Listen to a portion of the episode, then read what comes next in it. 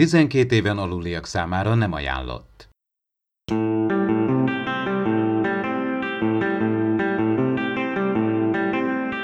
Ez itt az Impulzus Podcast, az űrszekerek Star Trek tematikus epizód kibeszélője. A fedélzeten Csaba, Attila és Dave.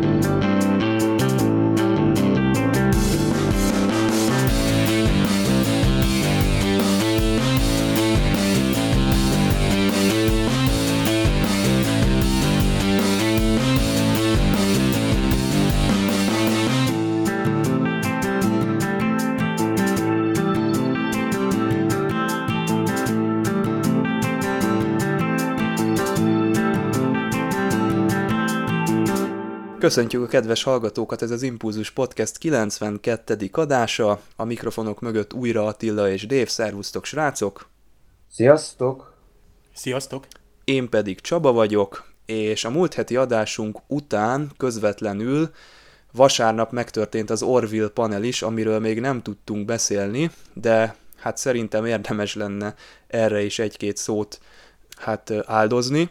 Dév, te ezt egyébként láttad, vagy csak a híreket olvastad utána? Megnéztem, és hát ez, ez igazából egy önálló showként felfogható. Ez alapján én el tudom képzelni, milyen jó hangulat lehet a forgatásnak. Mm, főleg, hogy azért ritkán látni, legalábbis én ritkán látom, hogy a, a, tehát a maszk alatt szereplők, tehát a két moklán, tehát a Bortuszt a Peter Macon alakítja, és hogy a Clyden is ott volt, ugye Chad Coleman, hát ők nagy kaliberű színészek, azért, de hát a Penny Johnson Gerald se hagyta magát, tehát ahogy bejött azért, ő Hú, is vagy hát az évet egy... letagadhatna, az egy kész. Elég durva táncot nyomott azért azt. Ahhoz képest Adrian Palicki visszafogta magát. Hú, hát azért itt voltak dolgok, és ami talán a legfontosabb, meg ami így a, rögtön a címlapokon landolt, az az, hogy egy musical epizód, ezt találták ki a színészek, hogy tök jó lenne, és ott össze is vesztek, mert azt hiszem, hogy Penny Johnson így ö, letorkolta a Scott Grimes-t, hogy ez eredetileg neki jutott eszébe, és hogy ő saját ötletként akart ezt elővezetni, de a lényeg, hogy azért hozzátették, hogy ennek a megvalósulására ők maguk sem látnak nagy esélyt. Itt a harmadik évad már gondolom el is van nagyjából rendezve, hogy milyen epizódok várhatók, bár most ugye sokat erről nem beszéltek, mert még nagyon a kezdeti szakaszában vannak ennek a dolognak, és azt is hozzátették, hogy most nagyon hosszú ideig fog tartani ez a, ez a előkészítés, illetve forgatás, mert a Hulunál azért nagyobb lehetőségek lesznek itt epizód időben is, azt hiszem, hogy kitágulnak a lehetőségek. Na de, musical, ugye itt sokszor elmondtuk, főleg én hangoztattam azt, hogy a Star Trekbe, hát nem annyira lenne jó egy, ilyen, egy ilyet látni, bár most a Short Tracks-be azért bontogatja a szárnyait az éneklés, de mondjuk az Orville-be én tökre el tudom képzelni, tehát oda abba a világba sokkal jobban beleillene. Bármikor azt, azt el tudom képzelni, hogy van egy olyan bolygó, ahol tényleg így fejezik ki az érzelmeiket, hogy így énekelnek, meg tényleg asztalokra ugrálnak föl, és kitárják a karukat, meg, meg a musicalnek ez az összes ízléstelen külsősége megjelenik. Szerintem ez az Orville-be elférne. Hát főleg az, hogy Bortus végre befejezhesse a Titanic betirdalának eléneklését. A helyben ott a panelen is volt hát éneklés, és azt, azt még ki is tettük, hogy a, a Scott Grimes, hát elénekelte, újra énekelte azt a szerenádot, amit a, tehát az Isaacnek, a Mark Jacksonnak énekelt búcsúztatóként. Hát mondjuk egy kicsit más stílusban kezdte el, egy kicsit azért uh, intim nóta kezdődött ott, meg főleg az ott a Scott Grimes majdnem letérett az Isaac elé, Mark Jackson elé, de aztán ugye elénekelte rendesen azt a nótát, és hát ez tök jó ott élőben, nyilván ott hát közönség hát előtt. Elképesztő, hogy milyen hangja van a Scott Grimesnak, és hogy ezt Igen. hogy elő tudja adni ez teli találat ez a dal amúgy is.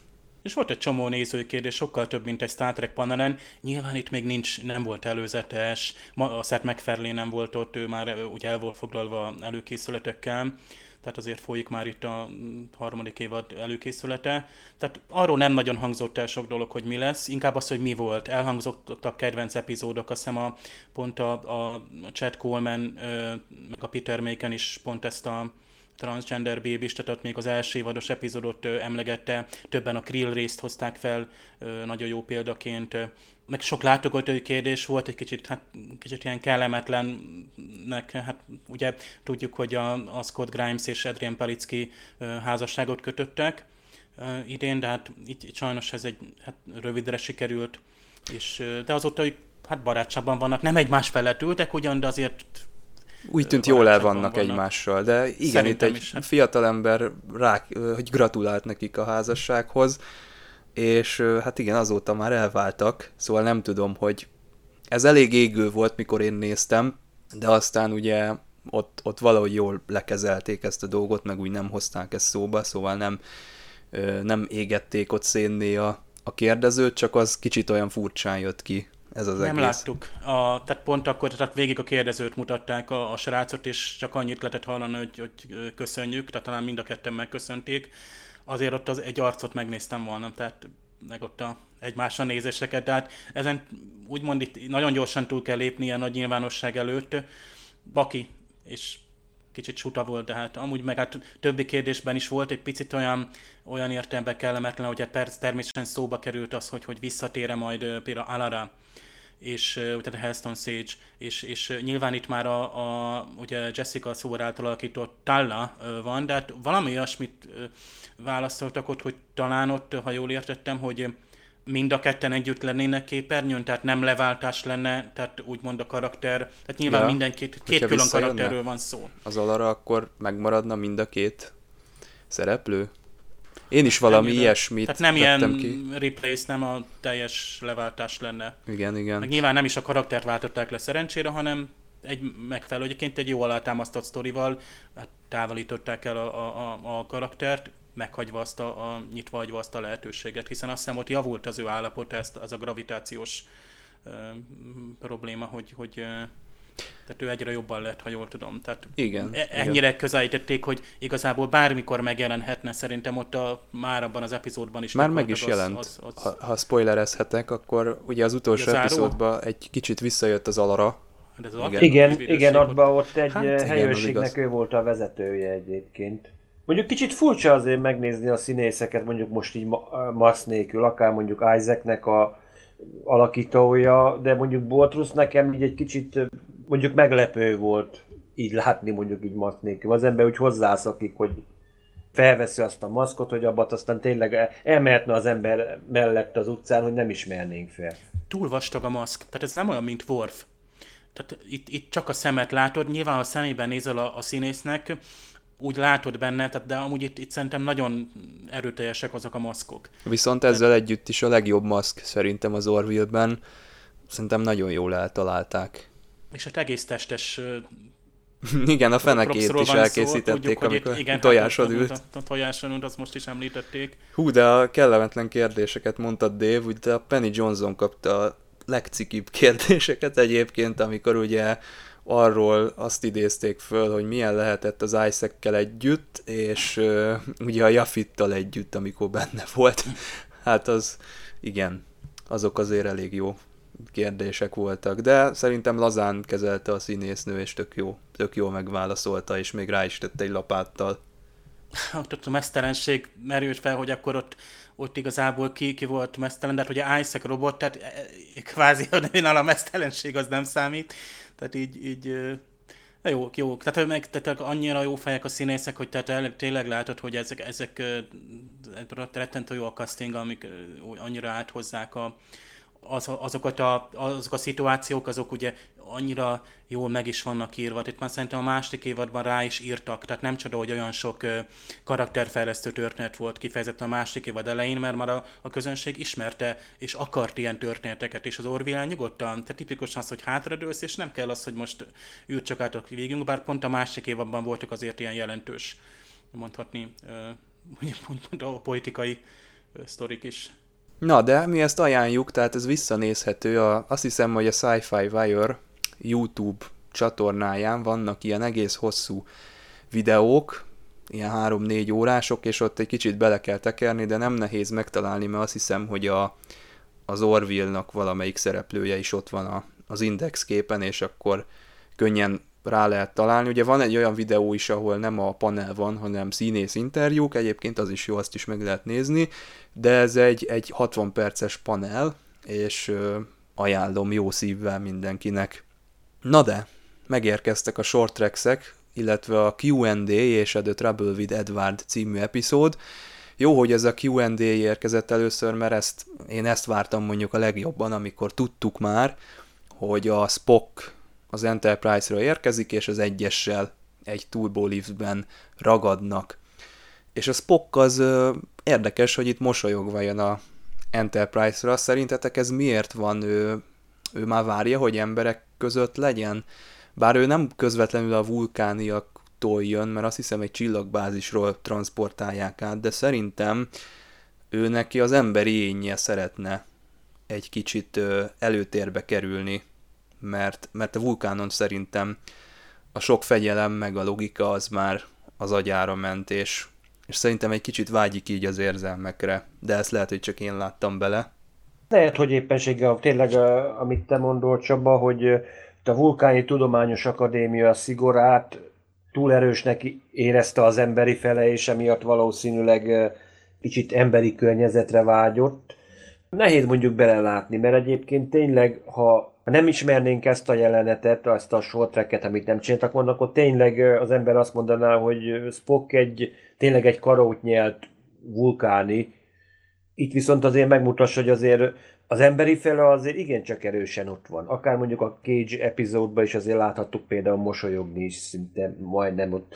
Hogy Igen, is mondjam, egy erre ilyen... utalgatnak szerintem a korai Star Trek-ekre, mert ez az üvöltése, ugye amikor áttransportál, ez is a korai epizódokban, így a Spock az gyakorlatilag így kiabál a hídon, és, és szerintem jó alaposan megnézték a készítők most a Cage-et is, meg a Where No Man Has Gone Before-t is. És Én is tulajdonképpen, ha emlékszel a Cage-be is mondjuk egy ilyen, van egy ilyen, ott látszik Spocknak, van egyfajta egy ilyen gunyoros arckifejezése, most itt is egyébként, ahogy itt megyen beszáll a lidbe, tényleg van, mint a tényleg egy ilyen kis amit Pike is mond egyébként a Discovery-ben második évad, spoiler, elnézés, hogy ott is, hogy mit lá, hogy mit, a szája sarkában ilyen kis mosoly, ilyen, mintha ilyen tényleg egy ilyen egészséges, egy ilyen örül, életvidám hogy... lenne. Egy ilyen, ilyen életvidám ember, hogy na most Igen. már végre hajóra kerültem, meg mint az alap természete mondjuk egy ilyen vidám lenne, nem pedig egy olyan karót nyert, mint mondjuk látjuk, hogy na, hogy teljesen fapofát vág általában. Így bizakodva, Itt egy kicsit tényleg felszab, bizakodva felszabadult. az előtte álló szolgálat. Igen. Felszabadult, hogy tele van, ki, tele van életerő, vagy na most megmutatom a világnak, hogy ki vagyok. Hát mint a frissen végzett kadétok, vagy valamiért. Jó, mondjuk itt már zászlós. Tehát, De mennyi idős itt, itt Spock? Mert ha belegondolunk, akkor itt a legelső Spockot látjuk, akit valaha láttunk, leszámítva a gyerekeket. Most felejtsük el, főleg a Discovery-nek a, azt a kisfiút. Régi sebek Dave-nél, itt a Igen. kisfiú Spock. De itt igazából itt szó szerint kánont kellett írni, vagy elírni, egyébként a Number One esetében is elértünk, és még ugye, tehát úgy, úgy is lehet megfogalmazni, hogy itt igazából tiszta lappal indul a Spock meg a Number One is, tehát ezt a szakaszát egyikük, életszakaszát egyiküknek se ismertük. Tehát azelőtt vagyunk, a Cage előtt vagyunk. Tehát ez, ez a Spock, ez még számunkra megint csak ismeretlen, mert tavaly bejött az Ethan Peck, és ott ö, ö, mindenki szorongott, hogy majd milyen Spockot fog előadni. És jó Spockot adott elő, pláne abban a dinamikában, ahogy belehelyezték abba a családba, meg főleg a, a Michael Burnham-el, baromi jók voltak például a párbeszédek, és, és az, amit kihoztak a kettő kapcsolatából fölépít volt, még a gyerekkornak is volt jelentősége. Most ez a Spock viszont, ugye ez a korszak, itt Michael Burnham ugye régóta nincs, máshol szolgál, régóta nem tartják a kapcsolatot. Ez úgymond egy ez se egy üres Spock, mert ő is ugye félig ember, és nekem a végén jön ki, ugye itt a Pike, az, az kvázi ilyen mellékszereplőként funkcionál, de ha belegondolunk, ez akár egy ö, ilyen tulajdonképpen itt pilot epizód is lehetne ahhoz a bizonyos, hát ö, fontolgatott Enterprise ö, sorozathoz, ami lehet, hogy így játszódna esetleg a Cage előtt, mert ö, talán a következő, a triblis rész is talán a Cage előtt van, ott se tudjuk, hogy mikor, mert ilyen időtlenül Mindenképpen. vagyunk. Szerintem Nincs ezek vonat. előzmények, igen. És tök jó, mert itt pont, hogy szabadon mozgunk, és tudunk előzmény történeteket, keletkezés történetet, lásd Tribliknél, tehát hozni, és így a, a Spockot is úgymond még előbbre építjük. Tehát tök furcsa, hogy a, ö, ugye az Akari is hozott egy Spock előzményt amilyen ifjú Spockot még nem ismertünk. Az Peck is hozott egy előzmény Spockot, most az Peck saját maga elé megy és hoz egy még uh, eredetibb Spockot, főleg, hogy itt, itt alakul, itt derül ki, tehát gyakorlatilag a number one mondja meg, vagy tanítja meg úgymond ezzel a, a, a mondjuk ez, ebben a kis szituációban, hogy milyennek kellene lennie majd a hídon, mit mutasson és mit ne. Miközben a Spock valamennyit mutat az értelmeből, de úgy, hogy az mégse annyira direkten látszik. Hát például, amikor ott egyébként a gyönyörű a vége, hát nyilván, hogy híd, Pike, Spock elfoglalja helyét, és akkor a Pike érez. Azt hiszem, hogy a, a, a Spock, mm, hogy a vulkániak éreznek-e megilletődöttséget. Tehát ugye ez az ó, szó, hogy ez a ilyen félelem, de ugyanakkor egy ilyen bámulat, egy ilyen lenyűgözés, amire később a Spock a fascinating szót használja mindvégig, ami, ami őt lenyűgözít, lett lásd ilyen csillagközű jelenség. Egyébként a kimenő zene is felséges, tehát szinte egy, egy, egy mozi ban ülsz, amikor a, az outro zenét végig hallgatod, azt végig kell. Egyébként ott Jeff Russo mellett nekem rögtön feltűnt Michael Giacchino neve is, és nektek feltűnt, hogy miközben a Turbo ott, ott mozogtunk, Kelvin filmzene hallatszott? Nekem ez direkt a Kelvin filmekre emlékeztet. Igen, egy kicsit arra hasonlított nekem is ez, de ez már Rögtön a Discovery-ben is feltűnt. Tehát ott is hasonlót csináltak, amikor a, a második évad első epizódjában szintén bemutatták ezeket a lifteket, és ott is valami nagyon hasonló zenéket toltak igazából nem is a Spock miatt érdekes csak ez az epizód, hanem az egyesnek a karakterét is itt látjuk először szinte kibontakozni, mert hát a Discovery-ben mennyit láttunk belőle, én nem emlékszem rá. Lehet, hogy most rosszul ö, emlékszem, vagy megcsal a memóriám, de nem nagyon tudtam az ő karakterével mit kezdeni, vagy így nem maradt meg bennem semmi emlékezetes vele kapcsolatban. Itt viszont azért látjuk az ő személy, hát ugye a Cage-ben sem nagyon szegényt ott a a hídon osztják, és most itt azért látjuk őt egyfajta ilyen HR-esként kezdeményezi ezt a kérdez felelek dolgot, amíg ugye a hídra érnének a... És egyébként ez tök jó van szerintem megírva, hogy egy ilyen szituáció eleve, hogy megjön a Spock, fogadja az egyes, és egy ilyen ismerkedés gyakorlatilag, hogyan, hogyan próbálja a hajónak a rutinjába bevonni az új tisztet az egyes, és ez az új tiszt, ez pont a Spock, tehát ez szerintem egy maga a szituációnak a kijelölése és, a, és egy ilyen rövid történetnek a, a felvázolása az tökéletesre sikerült, ez ennél jobban nem is lehetett volna csinálni, és ugye maga a megvalósítás is nagyon jó, mert jók ezek a kérdések, ezek az oda-vissza adogatások, meg válaszok, meg ugye a szituációk is jó, amikor a Spocknak a nyakába beleül ugye az egyes, és ott, ott fönt megpróbál valamit megszerelni, aztán leomlik az egész. De az egésznek ez a csúcspontja, amit ugye ne kerülgessünk, itt felszínre törnek a, az érzelmek, és maga a boldogság, és Spock is a végén elneveti magát, és amikor jön a mentő expedíció, akkor ugye ők is megjegyzik, hogy úristen, mint hogyha ott valami nevetést hallottam volna lent a, turboliftben, és gyakorlatilag itt a, a helyzetnek a feloldása is tökéletes, hogy megmarad egy, egy szituáció, egy, egy titok, ami gyakorlatilag kettejük között marad, és így kezdi meg a szolgálatát a, a Spock az Enterprise-on, aztán jön persze megint a, az a lezárás a hídon, amit Dave már elmesélt, és az is zenével, meg kivitelezéssel együtt szinte tökéletes. Tehát valahogy így, így kell szerintem egy ilyen rövid történetet megírni, valahogy a short tracks az sose volt vele nagy baj, de itt már, itt már szerintem most magára talált, az a Tilly epizód, amit még tavaly ilyenkor beszéltünk meg, ott még lehetett érezni, hogy ez minthogyha egy olyan történet lenne, amit így kiheréltek. De ez, ez mintha most, most jobban sikerült volna, tehát így százszázalékosan kihasználták a formátumot, és tökéletesre sikerült szinte.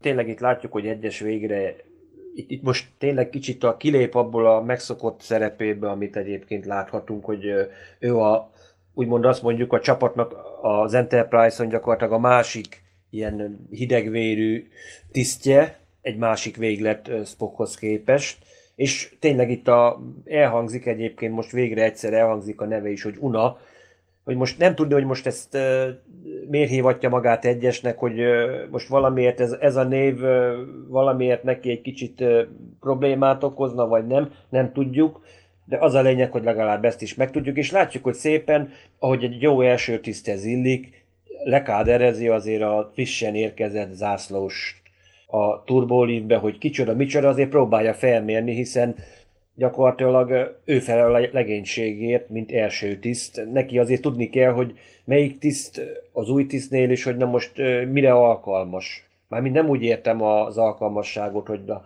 mit tud, mert hát az, az, be, az le van írva egyébként, hogy most mi, milyen végzettségei vannak, hanem hogy próbálja azért felmérni, hogy egy, egy kritikus helyzetben vajon hogy reagálna. Hogy mennyire megbízható, hogy mit lehet rábízni. Hogy ezt a musical-es részt, hogy végül is idáig eljutnak, ez, ez kicsit meglepett, de mondjuk kicsit tetszett is, és tényleg szinte majdnem duettet énekelnek, az tényleg azt mondom, hogy egy váratlan csavar. Hát én viszont azt mondom, hogy ez baj volt. Nagyon sokat akartak belesűríteni. Michael Chabon az író, és miért van az az érzésem, hogy valahányszor Michael Chabon leül Star Trek-et írni, ott énekelni fognak, mert a, a Kalipszóban is volt éneklés, de ott a helyén volt. Nekem itt a musical az lejött a képernyőről. Ez nem. Tehát én most becsatlakozok, igen, a, a shitstorm mögé, hogy ez nem Star Trek így számomra. Tehát itt nagyon kilépett. Volt ilyen tehát, negatív komment? Egyébként mindenki, mindenki imádta, hogy ez, ez, ez volt az egyik legjobb short track epizód. Nálam ott jött le. Tehát egyáltalán nem vártam, és nem is kellett volna, és nem is tetszett. Abszolút nem számomra ott kilépett, a, tehát megint a negyedik falnak a, az átlépése, mintha egy, egy, egy són belül még egy sót csinálunk, pedig így is nagyon feszese volt megírva, szinte érezted, hogy végszavaznak egymásnak, tehát nyilván egy nagyon két erőteljes karakterről van szó, ahogy most kiderül a Number One-ról is, és nyugodtan lehet, hiszen ő tényleg egy megíratlan nap, akit, akit lehet gazdagítani de itt, itt, itt, itt szerintem ez túl lett húzva. Míg a, a következő a triplis résznél helyén volt, mert az egy komédia, az egy paródia, az egy Orville parafrázis úgy szólván, amit az Orville is megírja lehetne. Itt ez nem, itt egy, egy drám, úgymond tényleg egy drámát, de még csak nem is drámedőt vártunk el, ahol a, a Spockot bevezetik, és az egyik legfontosabb dolog, hogy ez a keep freaky for yourself, tehát hogy a Spockban van valami különös, furcsa hogy emberi is, és még vannak érzelmei, és még meg kell tanulnia, hogy majd emberek között tisztként szolgálva, őre azért mégis vulkániként tekintenek, és ezt hogy szabályozza be, és erre ad egy, úgymond egy jó tanácsot a, a, az egyes neki. Főleg, hogyha a parancsnoki babolyokra tör, mert ugye Pontosan. azt mondja az egyes, hogy ő nem szeretné korlátozni senkinek a, az egyéniségét, de viszont, hogyha ő kapitány akar lenni valaha is, akkor akkor fékeznie kell azokat a furcsa tulajdonságait, ami, ami a többiek szemében egy kicsit visszás lehet.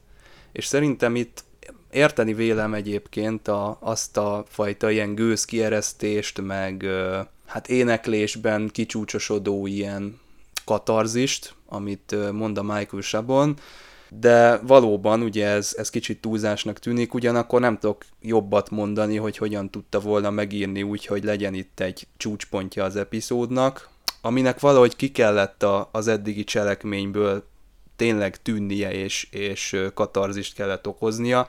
Nem tudom, hogy hogy lehetett volna megoldani, őszintén szólva.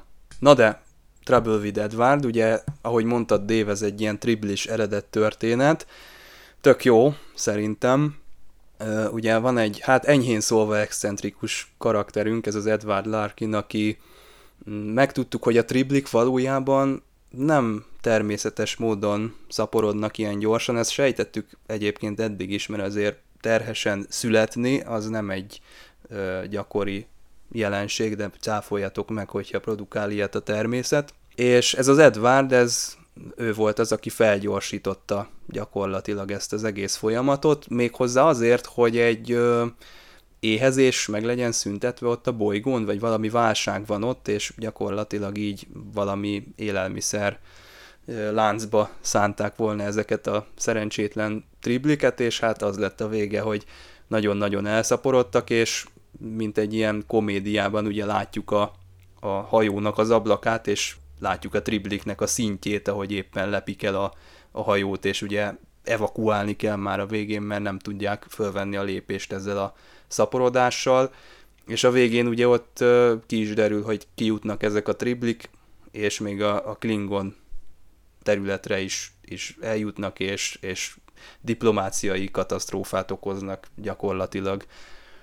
Mondjuk egy kicsit bevallom, én nem is értettem, mert ha emlékeztek, azért Dr. Foxnak is volt egy triblije a az Enterprise fedélzetén száz évvel korábban, és azt mondja, hogy azért szaporodnak ezek olyan gyorsan, mert olyan ragadozók vannak azon a bolygón, hogy egyszerűen a túlélés érdekében hipergyorsan kell szaporodni, tehát óvatosan kell az étellel bánni. Tehát e, itt valószínűleg így az Endben talált magyarázatot a Tibrikre így gyakorlatilag eltüntették, de ezt, ezt, ezt megnéztem volna mondjuk például Klingon verzióban, hogy itt a Klingonok találnak egy triblit, nézzük, hát sipit, sipit, de hát ha jó lesz valamit enni, és akkor szépen egy, mondjuk egy Klingon hajót lepel, mondjuk egy D7-es, tehát az, az, az megnéztem volna, amikor Klingonok ott pánikban elhagyják az űrhajót. Edwardnak a karaktere meg, hát azt mondom, tényleg egy 23. Eh, század Barclay-ja, hogy látszik rajta egyébként, hogy nem tudja az emberekkel nem azt mondom, hogy antiszociális, hanem tényleg egy magába zárkodott ember, hogy nem mer, nem mer szint az emberekkel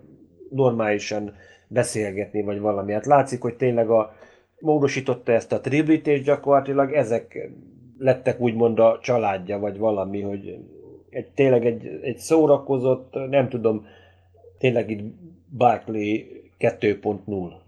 Itt mondom azt, hogy tényleg nem értem komolyan, hogy a TNG előtt miért nem láttunk olyasmit, hogy nem most akkor hajókon pszichológus, mert azért Edwardot is azért nem látott volna, hogyha egy pszichológus szépen beráncigálja a, szépen az irodájába, és akkor elbeszélget vele, hogy mi a probléma. Mert gyakorlatilag ez az ember csak a munkájának élt, és bármilyen kis apró kis inzultusra, vagy valamire tulajdonképpen szinte majd, hogy nem ilyen gyerekesen reagál. Megszállott és a kapitány se tudja lekezelni. Hát erre nem számított a Pike, amikor átadja neki, hát ugye a transporterbe, hát folyosókon keresztül megyünk. Egyébként mindig félek, amikor így a, az Enterprise-on végig sétálunk, hogy, hogy hogyan alkották meg a hajót. Meg teljesen az párbeszéd elvitt a, a lényeget, itt az volt a fontos, hogy itt a Pike is átadja azt a, a tehát a, a, egy, egy, egy, egy, tudományos hajó lesz ő új, új kapitány, egyébként a Rosa Salazar által alakított fő Hát Én legutoljára nagyon nagy szemekkel láttam a Alitában, most jó volt végre a saját arcát látni, és pont így képzeljük el, hogy egy fiatal kapitány, tehát őnek is mutatnia kell az, hogy igen, ő a kapitány, tehát őt most léptették elő, és de lehetnek nála okosabbak is, egy kicsit pessimistán áll egyébként hozzá, de azért teret ad az elején, tehát nem tudja, hogy az Edward milyen. És később már van az a hát elég heves párbeszéd közöttük, amikor ugye már akkor vége a, a beszélgetésnek, vége, önt áthelyezik. Amikor ugye ilyen, hát ilyen anonim üzeneteket, hogy idiótának nevezte a kapitányt, ilyen mindenféle, tehát teljesen ez az ember egy kornálatlan és antiszociális, és nem való egy csillaghajóra, ezt ki kell mondani. Orvosi eset. Abszolút, és sokkal jobban, mint a Barkley. Tehát a Barkley-t moderálni lehetett, ő ugye abban a bizonyos részben, vagy azt hiszem két rész van, hogy a holofedélzetre menekül, hogy még ilyen holop függősége is van, meg transporter fogja minden egyéb baja, de azért ő kikezelhető, és egy teljesen, tehát mire ő a First Contactban szerepelő, egy teljesen normális tiszt, jó, ott is kicsit elszáll, tehát itt az Edward, ez egy elszállt karakter, míg az összes a, a, a, a legénység, ott látjuk nagyon szépen ott a briefing room, háromszög alakú képernyők, ugye, tehát egy, egy teljesen normális feladat beosztás vagy felosztás van, és amikor őt levennék erről a kutatásról, mert amúgy ő valami protein kutató lenne, tehát igazából ő tényleg a úgymond táplálékfejlesztő, hogy ami ilyesminek kéne mondani, neki, ő neki ez a szakterülete, és azt hiszem ő fedezi fel a tribliket is, tehát kiderül, hogy a triblik az ióta geminorum négyről származnak, és a latin nevük tribleustes ventricosus, ezt olvastam, de akkor most már latinul be lehet egyezni, hogy, hogy ez a faj, és hát ott a szőr alatt bizony hús van, és hát bizony Edward is hát megkóstolta őket. Meg és a, a kollégájával végén... is megkóstoltatta. Hát az egész, a végén lévő csattanó, ugye a Star Treknek az első főcím utáni jelenete, hát az, az egyszerűen az fenomális. Over the top. Hányszor, az over Mind, the top. Mindkét epizód szerintem túl, kifeszegette a határait, és, és túlment. Ott kilépett. Túlment hát ott kilépett egy VHS tévéképernyőre léptél ki, és egy, egy, egy korabeli, egy ilyen 60-es évekbeli hirdetésen ö, hoztad be, és, és az összes mém, tehát abból nem, hogy mém kell, hogy szülessen, ez maga a mém. Ez az epizód egy ilyen kiterjesztett mém, ami ha triblikről van szó, hogy a triblik szaporodnak, itt fel volt fújtva. Tehát itt a minden rajongónak a, a álma és vágyálma, tehát hogy látod kívülről és CGI-jal és totál képbe megvalósítva a széles vásznak, hogy a hajón kívülről látod, hogy a triblik felszaporodnak, és uh, ugye amikor a háromfős különítmény mennek, és ugye go, go, go, tehát ugye az amerikai, ez a katonai slang, hogy kvézer karabinokkal lövik őket. Nem csak az, Dave, azt láttad, ami a Manusnak a hátán volt az a... a porszívó. Amit ilyen ava, az olyan avar porszívó tulajdonképpen, én láttam ilyet, hogy létezik. porszívó, az Hát azt néztem, hogy mondom, mi... A, mondom, De az is csak a háttérbe mondom... megy, tehát itt tele van tűzdelve ezekkel a örületes. Itt ma az egyenruhákat és ezt vettük, hogy, hogy mások az egyenruhák, ugye ez egy másik tudományos hajó. Tök jók egyébként az egyenruhák. Tengerkéket Nekem viselte. az járt a fejembe, hogy nagyon jó ez a, ez a retro felújított egyenruha, ami a TOS korszakban van. Nagyon jó. Egyébként ez a excentrikus, ilyen megszállott téma, ez nagyon hálás dolog mozifilmekben is, meg sorozatokban is, és az H. John Benjamin nagyon jól hozza ezt a karaktert. Ő az Archer című sorozatban ismert, azt hiszem ő maga az Archer Dave, vagy, vagy csak egy másik szereplőnek a hangja. Így van, ő maga a Sterling Archer, és azt hiszem most az Archernek a, most nem tudom, hogy a legújabb, vagy az előző évad, de az is már ilyen űrben van, egyre inkább, tehát ez, ez, de hát már ott is tizedik évad, vagy nem tudom hol tart, tehát az is borzasztó elszállt, és majd nekem is még bele kell lássam magam, de hát Family Guy-ban is ő benne van, tehát ő nagy, és itt van ugye az átkötés ugye az Orville-ra, hogy hoztunk egy, lop, lenyúltunk egy Orville hang, nem Orville, hát ugye Seth MacFarlane-hez közel álló színészt, és akkor igazából egy Orville sztorit, stílust lekaptunk, tehát ez a, ugye ez a, és dramedy, hát gyerekek, hát az Edward az feláldozza magát a végén, de egy elég őrült és fölösleges módon, és aztán ott van egy rövid hadbírósági tárgyalás, itt végre látjuk a arcokat, nem mintha itt sokat A Discovery egyenruhát. Igen, itt a Michael burnham még anonim volt a bizottság, itt, itt meg már azért lehetett látni az ő elégedetlen arcukat, hogy mi történt a kutatóhajójukkal. Meg nappal van, nappal van, ha megnézed, hogy tényleg itt az ablakokon belátunk, hogy valamiért, nem tudom, hogy akkor lehet, hogy akkor nem volt villany egyébként. A, lehet, hogy éppen áramszünet volt, azt azért, azért kellett sötétben Burnhamet elítélni. De nekem mondjuk tetszik egyébként az elején mindig az epizódnak a felirat, hogy ha megfigyeltétek, hogy mindig utal a címre, hogy a cím a témára, hogy gyakorlatilag itt elkezd osztódni a felirat, hogy már ha nem, nem tudnám, látnád a trailert, akkor is tudnád, hogy itt valami tribli lesz. Ahogy mindig Dave szokta mondani, hogy a német, a német cím a Star Treknél mindig lelövi a poén gyakorlatilag. De itt is tulajdonképpen az, hogy tényleg itt tudtuk, hogy tribli lesz, de az, hogy láttuk, hogy ki van írva a főcím, és a főcím hirtelen elkezd osztódni, hogy vörös lesz a képernyő, hát az tényleg egy nagyon jó ötlet benne. Hát a vége főcím is, tehát ugye ez a zene, ez, ne, ez ugye egy Hú, ezt mit is vettek elő? Tehát ez is valami 60-as évekbeli ö, ö, nóta volt? Itt valami Bing Crosby baladát vettek elő, ez a musical montázs, hát amikor ugye látjuk, hogy hogyan írtják a tribliket és szaporodnak de text és amikor szinte ilyen, mint a hókotróval tolnák hátulról. És nyilván itt voltak, gondolom, hogy volt valódi, hát amikor kezükbe fogták, biztos, hogy valami valódi kis plusz valami volt, de aztán hát ott, a, egyébként nem, a CGI-nál azért láttam, hogy azért itt már erősen CGI-ról van szó, de hát azért, tehát ezt a látványt, hogy amikor egy csillaghajó ugye overload, tehát azt hiszem, hogy túlsúly keletkezett a hajón, bár nem tudom, hogy egy csillaghajón számít hogy hány fő van a fedélzeten, de hát ugye itt a, a felszaporodás miatt egyszerűen elkezdett megtelni, mint a vízzel feltölteni egy vödröt, és kívülről láttad, hogy emelkedik a, a, a tribli szint. Szerintem nagyon jó short kaptunk, és mikor is jön a következő év? A jövő héten így csütörtökönként lesznek az epizódok? Én novembert láttam ki. Novemberben jön, méghozzá Pike, November 9. Ez a Pike harifogsága. Esknat című epizód, de csak, sajnos csak november Na az lehet, hogy egy komolyabb most... lesz, mint ezek. Lehet, hogy egy hónap kell, hogy tényleg ezt kipihenjük, de hát a reklám végét én most olvastam el, igazából föl kellett nagyítani, ott tényleg a tribli reklám, tehát amikor bejön ez a VHS videó felvételésről, két kislány eszi ezt a tribli műzlit, vagy mi ez, tehát ilyen gabonapótlék, és ott már ott is terhesek a triblik, és gyakorlatilag önreplikálók, tehát felszaporítják magukat, tehát amikor a dobozból öntik ki a triblit, a műzlis dobozból, akkor ott, ott igazából ott, mintha nem fogyna el.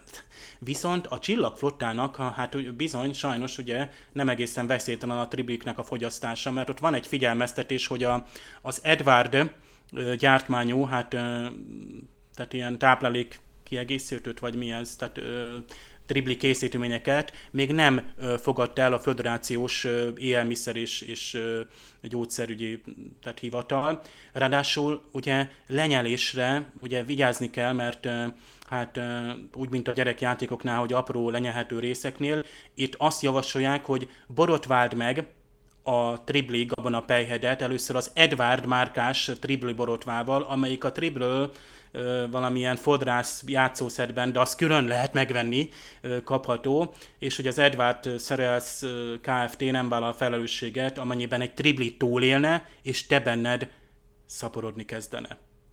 Javasoljuk akkor a Short Tracks első két epizódjának a megtekintését mindenki számára.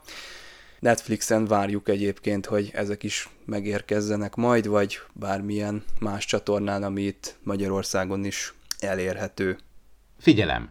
A műsorban spoilerek bukkanhatnak fel. Mai epizódunkban az öregedés áll a középpontban The Deadly Years, és elég jól lefordították a halálos évek, tehát szerintem hosszú idők óta ez az első olyan eredeti sorozat cím, ami ilyen, hát ilyen tükörfordítást kapott, és szerintem ezzel mondjuk semmi probléma nincsen. Na de, ugye mit mond a, az epizód magáról az öregedésről, így első ránézésre nem sokat, tehát azt látjuk, hogy a szereplők, akik megöregszenek, azok ilyen, ilyen nyammogó, szenilis, elviselhetetlen emberek lesznek. Tényleg így első ránézésre az az epizódnak az üzenete, hogy hát fiatalnak jobb lenni, mint öregnek. Na de, én egy kicsit elgondolkodtam ezen, és azért hozzátartozik az igazsághoz, hogy ez egy olyan öregedési folyamat, tehát úgy lett mondjuk 60-70-80 éves a körk, hogy nincs mögötte 60-70-80 év élettapasztalat. Tehát lehet, hogy ha valaki hirtelen megöregszik, akkor tényleg egy ilyen kibírhatatlan, házártos ember lesz, aki semmire sem jó. Hát ezt nem tudjuk, minden esetre a, az üzenet az öregedéssel kapcsolatban így nem, nem lett teljes szerintem. Meg hát ugye, amit szoktak mondani ezzel az epizóddal kapcsolatban, hogy nem is így öregedtek meg a William Shatnerék, meg a Leonard Nimoy, meg a DeForest Kelly. Azért William Shatner most már hány éves is? Túl van a 80-on? És uh, jobb, jobb szellemi állapotban van jelenleg, mint amennyire itt az epizódban látjuk őt. Hát egy kicsit elhízott, azt viszont hozzá kell tenni, tehát nem, nem sikerült megjósolniuk a, a maszkmestereknek ténylegesen, hogy hogyan fognak kinézni ezek a színészek 40 év múlva. Meg szépen 88 éves, mert 1931-ben született, és még nem is ő volt egyébként a legöregebb ebbe a csapatban, mert egy jó tíz évvel Leon DeForest Kelly idősebb volt nála. Mondjuk ő is megérte egyébként a 90 valahány évet egyébként, ami jó reg megkolydoki, mielőtt sajnos pár évvel ezelőtt meghalt. Tehát de mondjuk itt ez öregedésről van szó, nem pedig hizoterápiáról van szó egyébként, azt kell mondjam. Hát jó, hát a Shatnernek sikerült azért a súlyban is gyarapodnia, Igen. nem csak az években. De mondjuk érdekes volt egyébként, hogy a frizurával is, hogy, hogy elő tudták már akkor azért a maszkmesterek, hogy nem kellett olyan öregítő maszkok, mint például azt mondom 10 évvel később, vagy 10, 14 évvel később, mint a Csillagok háborújában, amikor volt ugye bár a mondjuk a főgonosznak egy mesterséges öregítő maszk volt rajta, hogy sokkal idősebbnek látszódjon. De tényleg ilyen kis apróságok is elég ahhoz, hogy mondjuk másképpen viseli a hajat, hogy hátra van zselézve úgymond a haj, mert ha megnézed, másképpen viselte a haját, és rögtön egyből idősebbnek tűnt, hogy nem is, ő, nem is őszült még, a, nem is őszítették be a haját, nem festették be, de már annyi elég volt, hogy egy másfajta fizura már is éveknek tűnsz többnek, hogy észrevétlenül ö, öregszik meg az első jelenetekben, mielőtt még tudnánk, hogy hoppá, itt valami baj van. És a Dr. McCoy-nak az öregedésével egyenesen arányos a déli akcentusnak a, az erősödése, meg a tájszólásnak a, a felerősödése is. Úgy tűnik, hogy az öregedés elengedhetetlen velejárója. Hát és, és, egyre kihá, és egyre jobban mérges Spockra, úgyhogy a Spocknak a beszólásaira egyből, egyből ugrik, ha emlékszel, hogy azt mondja, hogy, na, hogy maga tökéletesen egészséges. Nem, nem vagyok egészséges. Érzem, hogy a szellemi szintem ö, csökken, meg egyebek, és akkor meg rámorok, hogy nem, én azt mondtam, hogy olyan egészséges, mint száz év, mint egy száz évet még be nem töltött vulkáni, hogy látszik, hogy tényleg ilyen rigolyás vénember lenne egyébként McCoy amit később is azért elővettek, amikor Data kíséri a TNG nyitó epizódjába, hogy jó, menjünk a transportért, nem? Irány a komphangár. És persze, hát ott látjuk egyébként a, egy nagyon idős DeForest kelly a TNG nyitó epizódjában, pont ahhoz összehasonlítva, nekem pont a, a körtnek az öregedése ott, ott reális volt, amíg hátra volt fésülve, nyilván ott el is felgyorsult, és hát a, például a Scottinál volt ö, erőteljes, hogy ő már szinte eleve egy elég idős, talán már a szemöldöke is ősz volt, de volt egy következő fázisa neki, amikor a, ebben a tárgyalóteremben ülnek, akkor már nagyon öreg volt a Scotty, szerintem ott nála parókát is cseréltek, egy még hát öregebb ember parókája került föl rá. A Spocknál meg csak így deresedett, nyilván ott ő neki, nem tudom, a vulkáni férfiaknál miért ez a száz éves korhatár ott, ott tehát a Bendy szindrómánál is van, ugye, ami szareknek van, hogy csak száz éve idősebb vulkáni férfiakat támad meg. Uh, amúgy a Lehet, kör... hogy olyan, mint a nőknél a menopauza, a klimaxkor. Igen, Lehet, hogy igen. ott is valami, valami ott történik száz évesen, és megváltozik valamiért a hormonháztartás, és akkor valószínűleg a Bendy szindróma ezzel lehet kapcsolatban. Hát azért tudja, nálunk is azért na, földi embernél is van ugyebár tinédzia, kamaszkor, amikor ugyebár mutálódik a hand, akkor is hormonális változások vannak, utána meg, utána meg majd a klimaszkor. Tehát lehet valami ilyen, valami hasonló. Hát pont ezen gondolkodtam, probléma. hogy ha 30 évet öregednek egy nap, akkor nem jött egy-két pomfár elő a Spocknál, amikor Hova? ez történik? Látod, csak visszafele jön, jön elő, amikor tudjuk, hogy megvan a megoldás egyébként. Akkor megmondta, na mindegy, ezt majd a végén, mert még nagyon előugrottam. A TNG eszetekbe jutott a, az a TNG epizód, amikor a Pikár és a, a Ró meg a Guinan visszafiatalodnak? És Igen. akkor ott ugye az ifjú Pikárnak ugyanez van, ifjú Pikárnak, tehát a fiatal testben lévő kapitánynak a tekintélye is megkérdőjeleződik, és ott is ugye át kellene venni az egyesnek a, a, a hidat, és itt gyakorlatilag ugyanez van, pedig ha most meggondoljuk, hogy itt arról elhangzott a tárgyalásán, hogy, hogy Körk, hogy a komputer, ott meg is szólítják egyébként a, a a komputert, az orvosi adatbankot, hogy állapítsa meg, hogy Körtnek a fizikai kora, tehát az állapot alapján milyen fizikai kort lehet megállapítani, és a komputer azt mondja 60-70 év. Na most ezért csodálkozok, hát a, a körkön már az elejéntől fogva a, a szenilitás jelei vannak. Na most egy 60-70 éves ember szenilis, ami most, hát most van a nyugdíjkor határ, már szinte lassan már a 70 felé ö, tolják ö, Európa szerte, de már az öregedés jelei ott ennyire megfigyelhetők, hogy megkérdeleződik. Hát most, ha belegondolok, hogy Pikár kapitány, meg az őt játszó Patrick Stewart már azért, Patrick Stewart már jövőre 80 éves lesz. Ugye a 9. X-be ahogy szokták mondani így régiesen, és hát a szellemi képességei teljes birtokában van. Körknél meg megállapítják, sőt egy teljes tárgyalás van, az egész epizód arra megy ki, hogy leváltsák a posztjáról, mert már alkalmatlan. Tehát persze látjuk, hogy elkezd feledékeny lenni, de hát ennyire akut módon jelentkezzen ez nála, tehát ez, ez, ez közben meg a McCoy nincsen feledékenység. Tehát Körtnél volt egy ilyen genetikailag, hogy ő mondjuk esetleg hajlamos volt a, a, a szenneritásra? Lehet, mert például, a, ha jól emlékszem a kánonba, Picard 59 évesen vett át például az Enterprise D-nek az irányítását.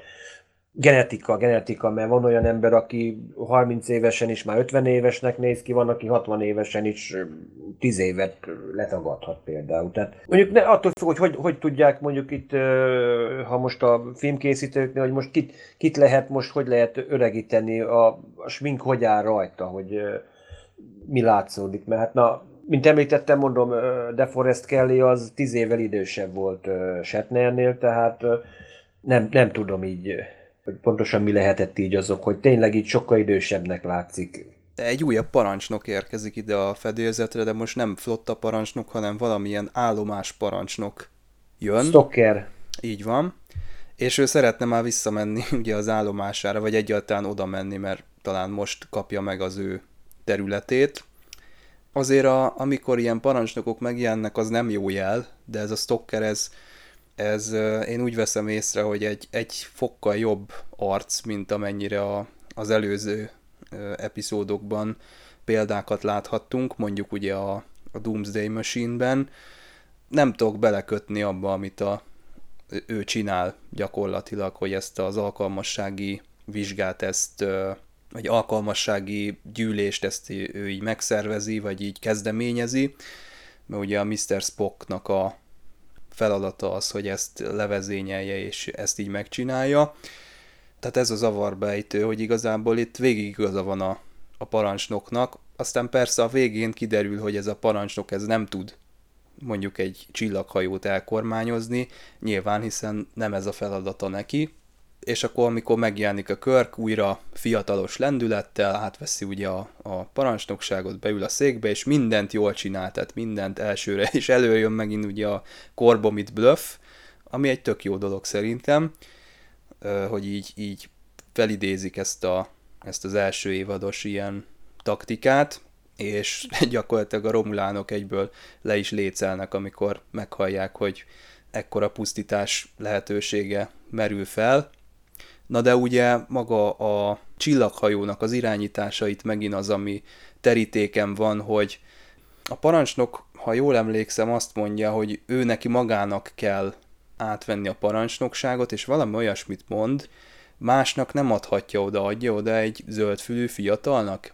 És itt nem nagyon tudom, hogy kire gondolt, itt a Szulura gondolt volna, hogy neki azért nem akarja odaadni, vagy esetleg a Csekovra, tehát ki lett volna a rangidős Spock után, aki átveheti az Enterprise-t, és a Scotty után, mert nyilván ő is ebben a betegségben szenved. Hát én a Szulura gondolok. Nagyon ügyesen sakkoznak itt, hogy, hogy ki, kit támad meg ez a korság, ugye affliction, vagy nem is tudom, hogy nevezik, tehát ilyen betegségnek próbálják leírni ezt a öregedést, tehát ugye egy, egy szimptóma együttest. Na most az érintettek, tehát pont azok a ugye senior officers, tehát a teljes tisztikar, ahogy itt a rangsorban következő, még cselekvőképes tehát jogilag és meg egészségügyileg is alkalmas, az tényleg a, a, a szóló lenne, és szólóra is néznek rá. És azt hiszem őnek is a rangja az, hát a Csekovnak nincsen olyan rangja, és hát egyébként pont a... Csekov az elvileg is... ilyenkor még zászlós volt, mert van egy, valahol olvastam, hogy akkor, amikor például a Botanébé incidens volt, akkor ő még ilyen kezdő zászlósként Most is mondják, hogy zászlós. Na, a gyengélkedőn. Mondom, hogy, igen. Sevien Zulu lenne a igen, Persze, ő, hát Szoló, ő, ő Szoló már volt. Hát, a, hát gyerekek, a tüköruniverzumban Szoló az keményen ott. Igen, gestapos, elég... Kempetáj inkább. Inkább Kempetáj egyébként, mert mondjuk elve, de mondjuk ezt nem értem egyébként, hogy itt Zulu gyakorlatilag csak akkor jelenik meg, amikor ott Csekovval éppen megtárgyalják, hogy már annyi mindent vettek tőle, hogy már egyáltalán, hogy marad-e még egyáltalán bennem belőle vér, vagy az valami. egy tök jó. Hogy, ott, igen. Komikus. Hát tipikusan az a Csekov, Csekov momentum, és ott fel is sorolja, hogy mit vettek már tőle. Amúgy még itt a Csekovnál a a vicces, hogy Csekov, amikor jönnek a romulánok, akkor azt mondja, hogy ők nem ejtenek hadifoglyokat. No már most, Csekov még nem volt ott az előző évadban, amikor ugye az első romulán találkozás volt, és nem tudom, hogy férhetett hozzá ilyen gondom titkosított aktákhoz, de mindegy, és a ez a íróknak a... manőver sem, sem tudjuk, hogy honnan értesült róla. Lehet, hogy a Sulu elmesélte neki. Mert ugye ott röhög, vagy nevet, amikor a Körk belekezd ebbe a böfbe, úgy néz a szulura, mint aki tudja, hogy miről van szó. De hát nem volt ugye ott a fedélzeten. Ez a Chekhov dilemma, ez mindig előjön, hogy kimaradt neki az első évad még Ugura is gyanúsan néz, hogy a, mondja, hogy kettes kódolás. Hát de uram, hát azt a romulánok megfejtették. Még egyszer mondják, tudjuk, hogy ezt többször elmondja, hogy ott is, hogy nem esik le neki se, hogy itt most kör gyakorlatilag ott a blöffnél gyakorlatilag romulánoknak küldő üzenetet, hogy igen, van nekünk egy ilyen kormamit bombánk, felrobbantjuk azt itt fényéveken belül, itt mindent elpusztít. Tehát a romulánok vakarhatják a fejüket, hogy na most hoppá, hogy mi erről a kémeink, erről a bombáról nekünk nem szóltak semmit, hát akkor pucolás, tehát de egyébként általában a klingonokra szokták azt mondani, hogy a, azok nem ejtenek hadifoglyot. Mert van, ahol azt mondják, hogy a romulánok hírhet kalózok és emberrablók. És hát ez az egy magyarázata, hogy Körknek kellett a parancsnokságot birtokolni, tehát nem mindegy, hogy melyik kapitány van ott. Tehát a Stockernél pont ez merül fel, hogy rendben van, ő most a, következő cselekvő képes és rangban is, tehát ő egy ilyen flag rank, tehát tényleg ilyen főparancsnoki, magas rangú tiszt, akinek ilyen esetekben jogában áll amúgy is parancsot adni. Egyébként egyetértek én is, hogy a Stoker még a, a az, az emberi típusok közé tartozik, tehát oké, okay, hogy igyekszik a tízes bázisra, és mindaddig azért ott, ott látszik, hogy azért a körköt azért maximálisan tiszteli, meg hát a posztján akarja adni. Egyébként egy egyszerű parancsal már az orvosi tiszt föl tudta volna menteni körköt, mert lehetett látni, hogy a, ő nincs a helyzet magaslatán. Tehát ez a, a capable. Tehát Elaludt itt, a hídon, el... az a legdurvább. Azt so, sosem mondják. Szerintem az, ez lett volna a legdurvább érv ott a meghallgatáson, hogy konkrétan fel kellett ébreszteni a körkapitányt a székében. Hát az azért elég gáz. Erről eszembe jut volna, volna egy, volt egy uh, ilyen regény, és abban volt benne, hogy vannak ilyen csúfolódások idegenfajok között, hogy amikor találkoznak, akkor ilyen uh, körbe táncolják egymást, és ilyen rigmusokat mondanak egymás, és az egyikben az volt benne, hogy éljen a admirális minden admirálisok legéberebbik, és sos, szinte sose alszik el csata közben. Stockerre meg tényleg azt, mentségére azt kell mondanom, hogy ő tulajdonképpen ő egy íróasztal tiszt, valami hasonlót mond egyébként Körk is, hogy ő tulajdonképpen a szabályzat. Aktakukac. De lényegében íróasztal huszárna, most mondjuk ki nyugodtan. Tulajdonképpen neki őt bürokráciára készítették fel, tehát hogy irányítson egy állomást, jönnek hajók, mennek hajók, tehát neki nem az, hogy nem arra van felkészítve, hogy idegen világokba vezessen expedíciót, ő neki tulajdonképpen a bürokrata rész jutott, tehát neki nem kell olyanok úgy improvizálni, mint mondjuk körkéknek kell, tehát teljesen másfajta feladatra készítették fel, és csak ő megpróbál a szabályzat szerint cselekedni, akkor is, még hogyha tudja, hogy valószínűleg ő nem, nem alkalmas rá, mert akkor egyszerűen azt csinálta volna, hogy na, akkor Körk öreg, felmentem az feladatai elő, és akkor átveszem a parancsnokságot. Már ezt is megtehette volna, de nem tette meg, hanem akkor ő igen a szabályzat szerint, mert szerintem érezte azt, hogy nem biztos, hogy ő a legalkalmasabb erre a posztra, hogy most megoldják ezt a problémát, mert csak annyit tud mondani, hogy akkor gyorsan menjünk a csillagbázishoz, majd ott megoldjuk addig nem dobja fel a talpát egyik tiszt sem. A Stoker el tudott jutni ilyen magas rangra úgy, hogy semmilyen, hát ugye nem volt, hát nem harci tapasztalat, ilyen field command, tehát sosem volt élesben csillaghajó hídján. Tehát látjuk a, az összes tehát ahol ahányszor szóba kerül az, hogy hogy képeznek ki egy, egy akadémián egy, egy csillagflotta tisztet, mindig szóba kerülnek a, a, a szimulációk, aminek során te a hídon vagy. Kobayashi Marut mindenkinek a, meg kell csinálnia? Tipikusan az. Tehát ez, ez is egy olyan szituáció volt, ha úgy, úgy mondjuk, tehát itt, itt, itt csak egy körk manőverrel lehetett, a korbamájt manőverrel megmenteni a hajót, tehát itt, itt, itt nem volt menekvés, hát tíz hajó vette körül teljességgel körbezárva az Enterprise, itt nincs menekvés. És amikor Körk a hídon jön, a fiatal, visszafiatalodott Körk, tehát Szolónak az a most már minden rendben van, itt van körkapitány, és jól van. Tök, kit érdekel, hogy tíz hajó vesz körül, már szinte vidáman jelenti, hogy körbezártak minket a romulánok, tehát mindig tényleg egy szimulációban lennénk, és hát jó, hogy Tuhura kicsit körülményeskedik, hogy, hogy tényleg most akkor tényleg kettes kód kell le, és hát nagyon jó ez, tehát ez az átverésségként már önmagában, tehát igazából itt a Körk előtörténete kellett ahhoz, hogy, hogy egyáltalán ezt, meg az ő, ő képessége arra, hogy, hogy azokban a szituációkban tudjon merjen blöffölni, amik, amik amúgy kilátástalanok, hiszen a, a Stoker az teljesen lefagy a székben, talán túlságosan is. Tehát igazából ott, hogy mondjam, ott, ott egy gyors briefing, tehát ilyenkor nem tudok döntést hozni, akkor megkérdezem, hogy javaslatok. Tehát mondjuk, ha én ott, ott lettem volna, nyilván én meg abszolút alkalmatlan lennék egy csillagflotta parancsnokságra, egy hajó vezetésére. De valószínűleg nem is tudja, hogy mi hol van a hajón, vagy hogy mit tud maga a hajó. Tehát, hogy hogy kell tüzelni, vagy, vagy tehát nincs tisztában vele, hogy technikailag mi van az ő kezében, látszólag. Igen, mert őt nem erre képezték ki. Hát figyelj, lehet, hogy általánosságban ismeri a csillaghajó működési elveit, de valószínűleg, hogy specializálódott már az akadémiának egy bizonyos szintje. Lehet, hogy elvégezte a Kobayashi Marut, de tudjuk, hogy a Kobayashi Maru az nem egy, túlé, az egy, nem egy túlélő gyakorlat. Gyorsan meg hanem... is halt benne, aztán le volt tudva a vizsga. Persze, persze, és akkor azt mondták, hogy jó, ön inkább akkor tudományos, vagy ilyen hivatali pályára menjen, mert általában a Kobayashi Maru az egyik nagy félelme a kadétoknak, a másik pedig az, ha valaki vezénylőtiszt akar lenni, akkor például, mivel tudjuk, hogy egyes hajókat azért széjjel lehet, lehet szeparálni. Ez a fajta dokkolási manőver, ez is egy ilyen mumusa egyébként a tiszteknek. Tehát ha valaki kapitány, vagy legalábbis első tiszt akar lenni, ezt azért a szimulátorban azért illik megcsinálni, mert azt mondják, inkább menjem tudományos pályára, vagy pedig egy szép íróasztalhoz, és akkor közgazdaságtantól kezdve mindent tanul. Tehát az alapkiképzés megvan, csak valószínűleg valahol Stocker így valaki úgy gondolta a tanárok közül, hogy jó, hát ő belőle nem lesz csillaghaló kapitány, de nagyon jó állomás főnök lenne. Tehát egy bürokratának abszolút száz százalékig jó lenne. Aki a, akinek csak a szabályzattal kell harcolnia, meg esetleg, ha jönnek a leltározni.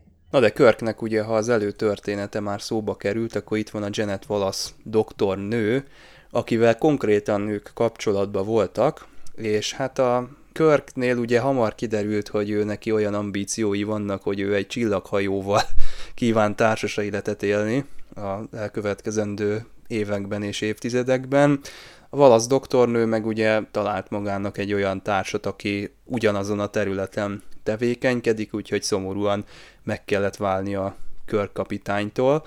Kicsit hasonlóak tűnik a helyzet, mint a hadbíróság előtt című epizódban, ott is ugye az ügy, ügyvédnővel volt valami történetük, amik, ami nem a képernyőn történt, de úgy kellő dinamikát adott az epizódnak. Na itt ez a dinamika, ez eltűnik. Mert ugye ez önmagában lehetett volna az epizódnak a témája, hogy itt van egy megszállott kapitány, mert hát Körk akárhogy is vesszük, megszállott, tehát nincs mit ezen szépíteni, ő, ő azért annyira jó, amikor beviharzik a, a hídra, és egyből tudja, hogy mi hol van és mit kell csinálni, mert neki ez az élete. Tehát abban nem fér bele sajnos. Hát belefér az, hogy mit tudom én, egy, egy heti bolygón egy, egy gyors flörtölés, vagy egy, egy alkalmi kapcsolat, de az, hogy mondjuk elköteleződjön, az reménytelen, tehát azt ilyet nem, nem lehet elképzelni. Ez önmagában téma lehetett volna, hogy egy ilyen megszállott embernek a lélektana, de ugye ez az öregedés, ez elvitte az egészet, ahogy elkezdett öregedni a kapitány, úgy egyre jobban el is szakadtak ettől a témától, de azért van egy-két forró párbeszéd, tehát ott, amikor a Körk megkérdezi tőle, hogy most búcsú ajándékot jött adni, vagy valami ilyesmit mond neki, azért vannak ott jó párbeszédek még még ezzel kapcsolatban, de ezzel együtt is nekem úgy maradt meg ez a szál, hogy egy ilyen ígéretes, hát románc, vagy nem tudom, hogy mondjuk ezt, de aztán ebből végül nem annyira lett semmi. Itt ez egyébként ez nagyon hasonlít, ez a TNG-ben van, ez azt hiszem a jelenet, egy epizód, az is ilyen az idővel kapcsolatos, amikor Spock, uh, Spock Picard kapitány tulajdonképpen egy régi szerelmével találkozik, aki szintén egy nála idősebb tudóshoz megy férhez, aki tényleg brilliáns minden, de mert Picard nem ment el az utolsó randiukra. És akkor minden másképp lehetett volna. Tulajdonképpen nekem ez a érzésem volt ezzel a szállal kapcsolatban, amikor ez a doktornő itt gyakorlatilag ő udvarol köveknek egyébként szinte. Lehetett volna ez is mondjuk Bele van esve, téma. látszik rajta, hogy még hát, nincs túl Azért rajta. mondom, hogy ő na, Igen. 23. században megcserélődhetnek a Csak hát ez ilyen fájdalmas, mert ugye Igen, az együtt, hogy ő szereti, látja rajta, hogy nem tud ezzel az emberrel együtt lenni, hát ez az ember ez igen, mert az gyakorlatilag, hát, igen, gyakorlatilag összeházasodott az Enterprise-szal gyakorlatilag, az öreg lányjal, hát na, amit egyébként sok regényíró egyébként ki is használ egyébként, hogyha aki mondjuk olvasott ilyen nem kánoni regényeket, azért vannak benne, hogy gyakorlatilag úgy van, mint mondjuk Han Solo az ezer éves sólyommal gyakorlatilag. Tehát, Körk is nyerte szabakon, vagy mit? igen, igen, igen, kártyán nyerte Pike-tól, persze. a tükörkörk az megölte Pike-ot, hogy megszerezze a hajót, igen. ez a körk meg, meg megnyerte kártyán. Persze, pókerbe. Hát vagy ahogy döfföl, vagy... kinézném belőle. Hát persze.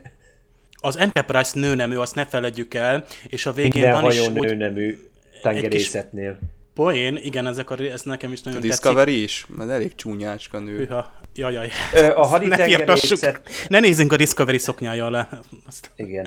Általában úgy van Csaba, hogy ez ilyen régi hajózási szokás angol száz országokban, hogy tulajdonképpen a hajókra mindig nőneműként gondolnak a... De miért?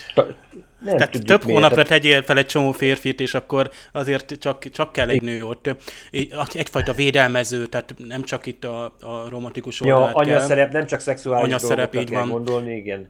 És a, a Körk az utolsó mondatával, ugye ez egy kis, hát ilyen poén is, hogy még mondja is a végén, így, így visszareflekter maga, ezt most tényleg kimondtam, hogy ez a steady as she goes, hogy olyan egyenesen annyira előre, amennyire csak tud menni, már mint a hajó, az Enterprise, és akkor pont ott van mellette, hát ugye ez a keserű romantika van itt az, az egészben, hogy itt már, itt el van könyvelve, hogy ott van mellette a volt szerelme, de az, a mostani szerelme meg itt van, az a közeg, ami veszi. Tehát Körk már tényleg az Enterprise-szal kötött házasságot, és már hiába, hogy most ő is elkezdett öregedni, azt hiszem 30 év per nap volt az öregedési fázis, ha belegondolunk, akkor mondjuk egy nap alatt utolérte volna a volt szerelmének a, az idősebb férjét. De pont a, a Csaba mondtad, hogy a Körk élettapasztalata viszont nem sokasodott meg, tehát egy, egy 34 éves embert tettél hirtelen idősebbé, aki nem tudott ezzel mit kezdeni. Tehát a, a McCoy az elején ö, kezdődő artritiszt állapít meg. Tehát izületi ö, gyulladása van neki. És onnantól, onnan indul ki, tehát ami még mondjuk fizikailag kezelhető lenne, amikor jönnek azok az első tünetek, amik a szellemi öregedést mutatják. Egyébként például a Scottinál már nem is mutatják, tehát ő a Scotti szerintem ott nagyon hamar leépült, mert csak, tehát ő, is csak ül, és nagyon öreg, tehát látszik, hogy nagyon öreg, tehát ő, ő neki ezt, ezt mutatják meg ez az arcára, és, és teljességgel látod, hogy, hogy egy sokkal öregebb, mint a James Doohan, akár a mozifilmekben valaha is ö, volt. Tehát ezzel elszámolni, ez már önmagában, hogy mennyi ideig tudsz így parancsnok lenni. Tehát amikor érzed, hogy, hogy kifutnak alólad azok a képességeid, amelyeket eleve különleges képességekkel kell rendelkezni, hogy csillagflotta kapitány legyél, és ha ezek így, így elillannak alólad, lásd például a kiadott parancsok újra ismétlése miatt például a tisztelet, a tekintély tűnik el, tehát ott, ott akkor te azonnal megint a, a kapitányi szék. És működik szerintem, mert a Körk eleve egy akaratoskodó ember, tehát akárhogy is, ha visszaemlékeztek mondjuk a Metamorfózis című epizódra, ott a Spock elkezdte építeni azt a fordító berendezését, és így elkezdte magyarázni, hogy én akkor most azt fogom csinálni, hogy, és a Körk az meg közbevágott, hogy nem érdekel Mr. Spock, csinálja, ahogy akarja, csak legyen kész. Tehát csinálja meg a feladatot, meg mellesleg mondta neki, hogy kerülje meg azt a szobát, mert ott van hátul még az a, az a felhőlény. Szóval ő eleve egy ilyen akaratoskodó ember, és ebből az akaratoskodásból egy ilyen morgolódó vénember lett. Tehát felerősödtek benne ezek az ilyen nagyon túlhatározott ilyen megnyilvánulások, és egy ilyen magába, maga elé dörmögő, ilyen morgolódó ember lett belőle. Ebből a szempontból szerintem ezt, ezt jól megoldották. Maguk, akik tényleg öreg színészek voltak, gondolok itt erre a Mr. Johnsonra, azt hiszem így hívták, ők nagyon jól játszottak, például amikor ott fekszik az ágyban, és ugye azt mondja, hogy mennyire gyönyörű volt az ő felesége, semmire nem tud válaszolni, csak, csak e, erre az egyre emlékszik, és csillogó szemmel mondja gyakorlatilag, hogy gyönyörű volt, gyönyörű volt. Az már eleve szerintem egy nagyon jó jelenet, így rögtön a, az epizódnak az elején, és hát érdemes szerintem említeni, hogy Félix Locker volt a színész, aki ezt eljátszotta. És ugye van itt a leszálló csapatban egy fiatal hölgy, aki valamiért gyorsabban öregszik, mint a, mint a többiek, és ezt már lehet látni szerintem ott a viszonylag hamar, hogy hát ő lesz az első járulékos veszteség, vagy ilyen áldozata ennek, mert hogy sajnos az írók azok szeretik azt csinálni a, az emberrel, hogy így tétet adnak a, a helyzetnek, és ezért megölnek valakit. Hát ezt a hölgyet, ezt nem ismertük azelőtt, úgyhogy nagyon nagy téteket lehet arra tenni, hogy hát bizony ő lesz sajnos a, az első áldozat, és neki van egy nagyon jó mondata, amikor ugye meglátja a tükröt, That's a stupid place to hang this mirror. Ez valami olyan hatalmas mondat szerintem, a magyarban ezt nem nagyon sikerült áthozni, ezt majd a Dév elmondja a végén, hogy hogyan fordították, ha éppen lejegyzetelte, de szerintem már, már emiatt a mondat miatt én ezt az epizódot nagyon, nagyon nagyra értékelem.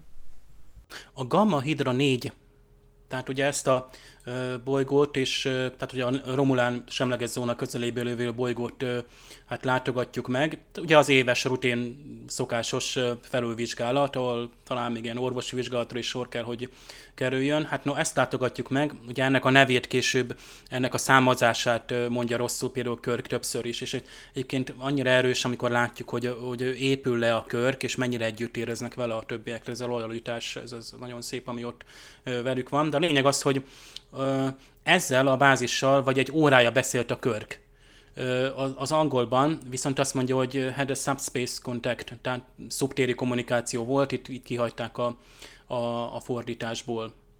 Megpróbálják megfejteni, hát miután már elkezdődik, és a tünetek erősödnek, megpróbálják megfejteni ennek az egész betegségnek, vagy jelenségnek az okát, és hát bizony a romulánok azonnal gyanúsak. És hogy talán az itteni kolónián próbáltak ki valamilyen kísérleti fegyvert, és igazából itt az eredetiben inkább az volt, hogy Guinea Pix, tehát tengeri malacként használták a kolóniát, magyarul kísérleti nyúlként, tehát minden nyelv más, hogy használja ki, és pontosabban hogy a sugárzásnak a hatásait, hát egyébként megtudjuk, hogy hát mi okozta ezt, mégiscsak egy, egy sugárzás, hiszen majd a gyógymódnak is az lesz a kiinduló pontja. Egy kóbor üstökösről van itt szó, Rogue Kamet, kóboróigitesként fordítja a magyar is, ami jó, tehát itt nem, ugye nem arról van szó, mint a, ugye a nagyon ismert, hogy a Star Wars-nak a, már az elején is nem is tudom, hogy lefordították, azt hiszem, ott a róg szót nem fordították le, amikor még az első filmekben elhangzott, hogy ezek a hívójelei a, az X-szárnyúaknak, és aztán végül is ezt a Zsivány egyes nevet kapta, ami jól kifejezi azt, hogy valamitől valakitől leszakadt. Ugye ez az üstökös is sajnos így elkóborolt, és így sajnos okozott gondot a, ezen a, a, a bolygón.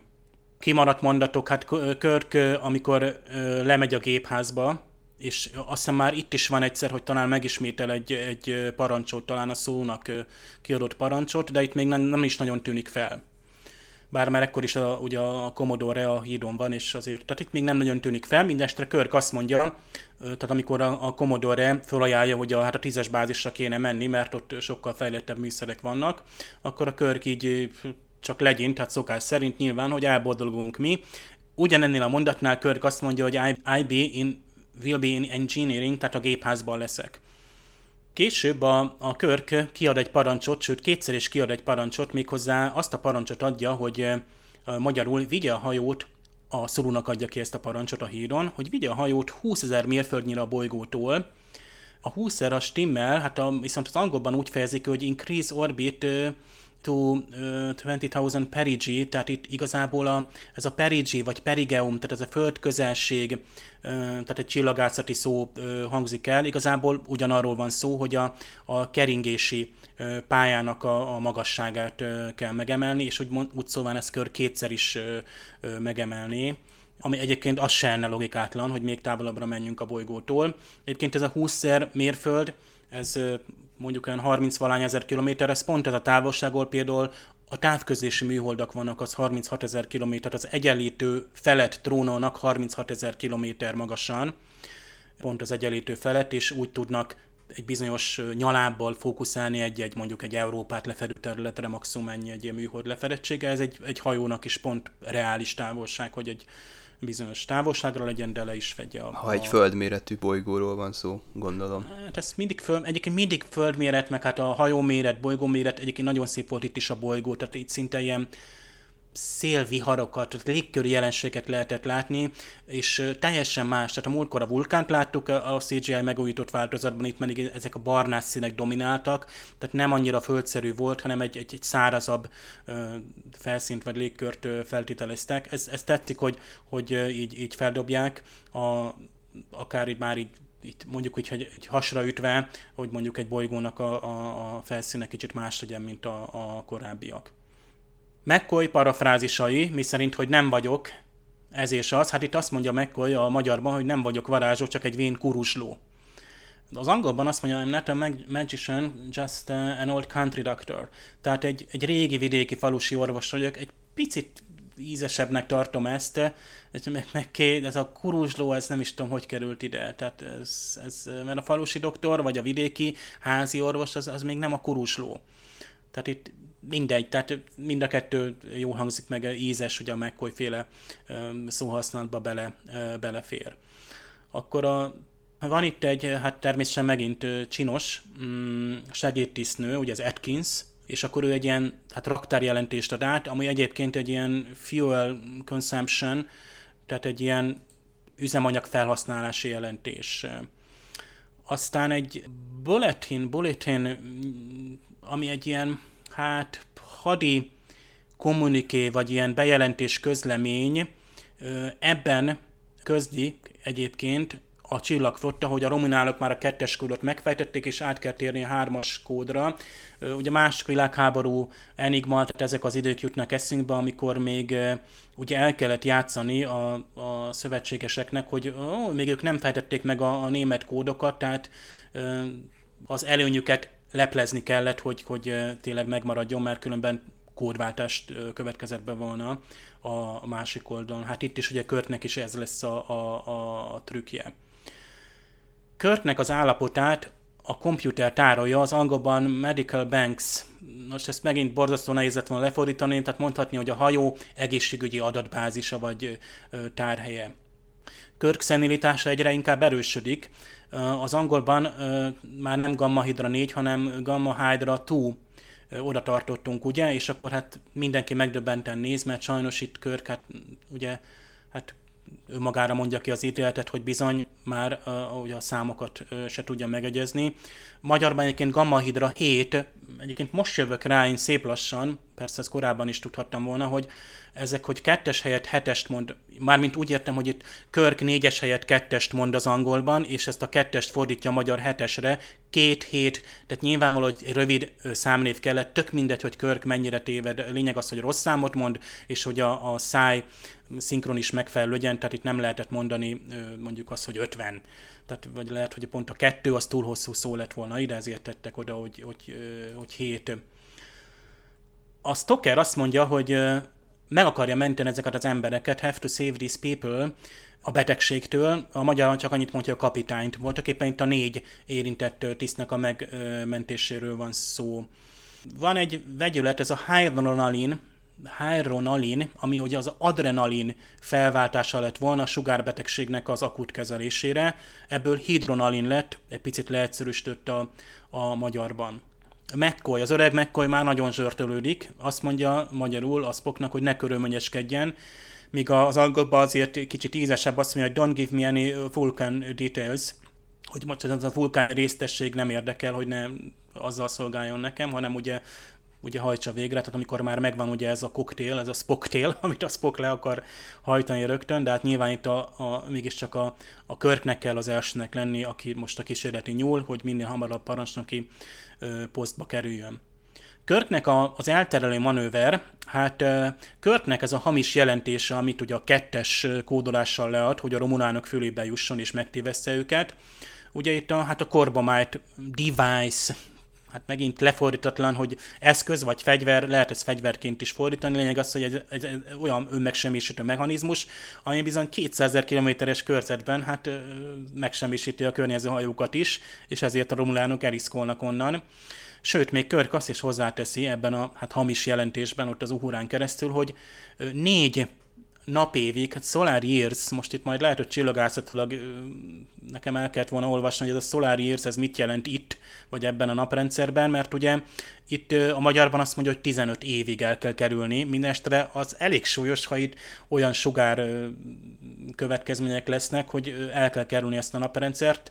Nekem pont az jut eszembe, hogy a ugye űrhajózás történetben még a, a, a Mercury programban volt ugye első emberes missziók, hogy ott volt valami kísérleti atomrobbantás is, tehát több száz kilométer magasan, úgymond már az űrben, de amikor ugye néhány hét múlva, vagy elég hamar oda pont felbocsájtottak ember, emberes egy misszió ment föl, tehát még nem a Hold, de az első ilyen emberes missziók, akkor először fel kell bocsátani egy, egy külön műholdat, hogy megímérje, hogy a sugárzás eltűnt már onnan. Tehát ez a korbomájt is ilyen, hogy valamilyen sugárzást hagy hátra, tehát jobb, ha a romulánok is elhúznak onnan minél hamarabb. És végül ugye még mindig gondunk van a kvadránsokkal a magyar változatban. A Körk most már teljesen egészségesen kiad egy Zulunak egy új, új irányt, hogy a Set New Course, 257 degrees Mark Free, tehát 2 5, hát a magyarban viszont a 7-ből 9 fok lesz, lehet, hogy itt megint szótak szám miatt, és a Mark III helyett ugye az a, a vesszőt jelenteni voltak éppen 2, 5, 7, egész 3, vagy vesző 3, vagy 10, 3. Tehát hogyan egy háromdimenziós rendszerbe kell itt ugye irányt megadni, azt ne felejtsük el, hogy nem csak előre és hátra, vagy balra és jobbra tud mozogni egy csillaghajó, hanem térben mozgunk. Mindestre Körk a Mark Free helyett hármas kvadránst mond, ami még misztikusabbá teszi ennek az egész űr rendszernek a használatát.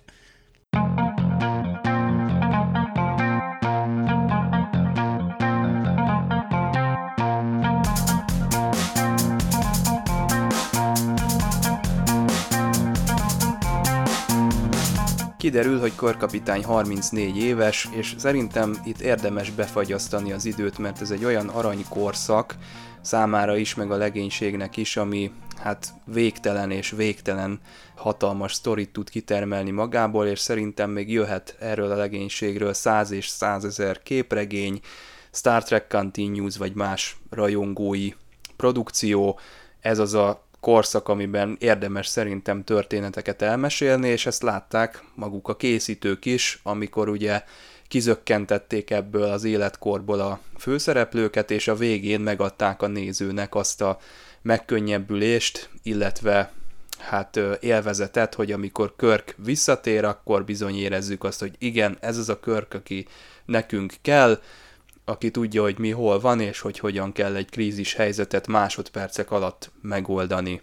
Még hogyha az öregedésről nem is sikerült semmi érdemlegeset mondani ebben az epizódban, szerintem magáról a, a főszereplőkről mondott el valamit, nem tudjuk, hogy mi lesz a jövő, nem tudjuk, hogy lesz-e Star Trek, hogy mi lesz a Star Trekben, emlékezzetek ezekre az időkre, mert ez volt az, amikor körkapitány teljes erőbedobással, ereje teljében irányította az Enterprise-t. Képzeljétek el, hogy ebben a részben nincsen semmilyen special effect, talán az egyetlen egy a, a feltransportálás, vagy illetve a bolygóra letransportálás, és ezek a építmények vagy objektumok újra lettek hasznosítva a metamorfózisból. Ott ugye a Zefran Cochrannek volt egy ilyen jellegű háza, na abból rakták valahogy össze ezeket a furcsa objektumokat, és ez megint ilyen minimalista, amire szerintem a nézők többsége azt mondja, hogy hát igen, ez ilyen olcsó, meg a költségvetésnek a gyors átlépése érdekében ennyire futotta. Én azt mondom, hogy ez a minimalizmus, ez művészi koncepciónak is elmegy, hiszen ez valami ilyen dioráma, vagy valami olyasmi, ami hát így stilizálva mutat be egy bolygót, ez nekem nagyon bejön, nagyon tetszik, nem tudom, hogy szándéka volt-e a készítőknek ez, de szerintem ez jól sült el. Számomra ez egy élvezetes epizód, bár nem hiszem, hogy ezt felszokták sorolni a Star Trek eszenciális részei közé. Végül is ez is csak egy öregedős epizód, amit minden létező sorozat elsütött, x kezdve csillagkapu, biztos, hogy volt ilyen öreggé válunk, szenilisek leszünk, megbízhatatlanok leszünk, öregség, fiatalság összehasonlítása. Ennek ellenére számomra ez elég élvezetes volt, és jól szórakoztam. Tényleg egy nagyon jó epizód volt, és itt ismét, ha eltekintünk tulajdonképpen a főszáról, hogy itt tulajdonképpen egy öregedési problémát kellett megoldani, amit egy sugárzás okozta.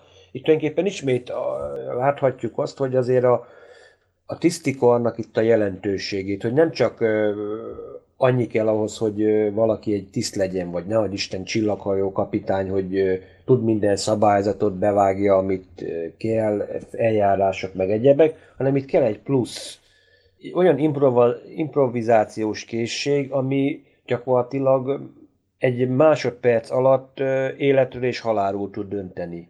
Szó szerint a kapitánynak és a vezénylő tisztjeinek is ott van a kezükben a teljes legénység sorsa, itt ugyanakkor a rangsorról és tulajdonképpen itt egy, egymásról is a három fő karakter, sőt, most már Scottit is beszámolhatjuk, hiszen most már ő is itt azért sokkal hangsúlyosabb szerepeket kezd el kapni ebbe az évadba is.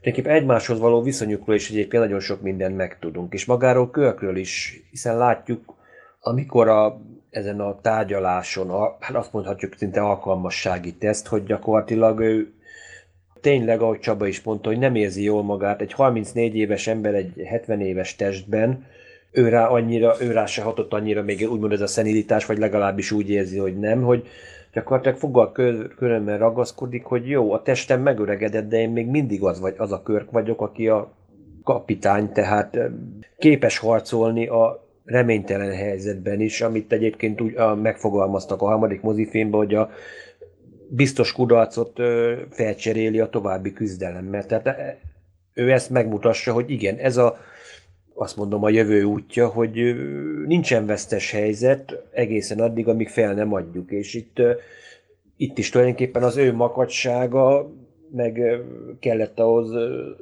megkolynak a, úgymond a tudása is ahhoz, hogy egyáltalán ők életben maradhassanak, és rájöjjenek ennek a gyógymódra. Ha skálán akarnám mérni, akkor azt mondom, hogy 10-ből ez egy 9 pontos epizód. Amit ajánlani tudnék bárkinak, aki azt mondja, héten most egy Star Trek-et még nem látott, azt mondanám, hogy nézze meg ezt. Mert ebben a végén van egy kis, igaz a 60-as évek szintjén egy kis majd, hogy nem űrcsata, de végül is benne van minden, ami Star Treknek kell. Nálam ez kiinduló részek között van, azok között, amik, amik annak idején nagyon megragadtak, tehát ez a látványos mesés sztori, tehát amikor olyan fantasztikus dolog van, de persze mögötte ott van tudományos ö, ö, magyarázat, tehát hogy hú, hirtelen megöregszik a legénység, ez nekem ilyen Star Trek alapsztorik közé számít, hogy ez a, így mondja, tehát 20 évvel ezelőtt ez ragadott meg a Star Trekben tehát az eredeti sorozatban, hogy jó, jó, és tényleg ott van a tudományos része, hogy van magyarázat erre az öregedésre, és tudományosan kerülünk ki ebből az egész szituációból, és az a jó benne. Tehát itt ragadott meg a, az egész science fiction, hogy a, a, a mese, a fantázia és a, a, a tudomány határán van, és az egész egy borzasztó jól össze van rakva.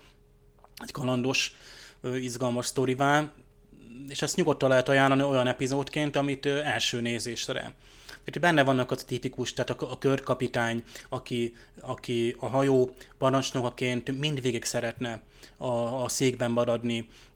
Már őróla kapunk egy olyan képet, nem beszélve arról, hogy itt is tipikusan megjelenik egy kör, régi szerelme, megjelenik a, az Enterprise-t autóbuszként lestopoló admirális, tehát a csillagflottában is kicsit betekintünk, hogy működik, tehát hogy vannak a bolygókon állomások, ahol időnként, tehát ott, ott is kísérletek folynak, tudományos tisztek vannak, a orvosi részleg hogyan működik, ugye egy Chapel névő visszatér Major Barrett. Egy érdekes visszatérőként Laura Wood, akit a, a tudósnak a feleségét, tehát aki eleve idősebb színésznőként alakította ugye a megöregedett Mrs. Johnson-t.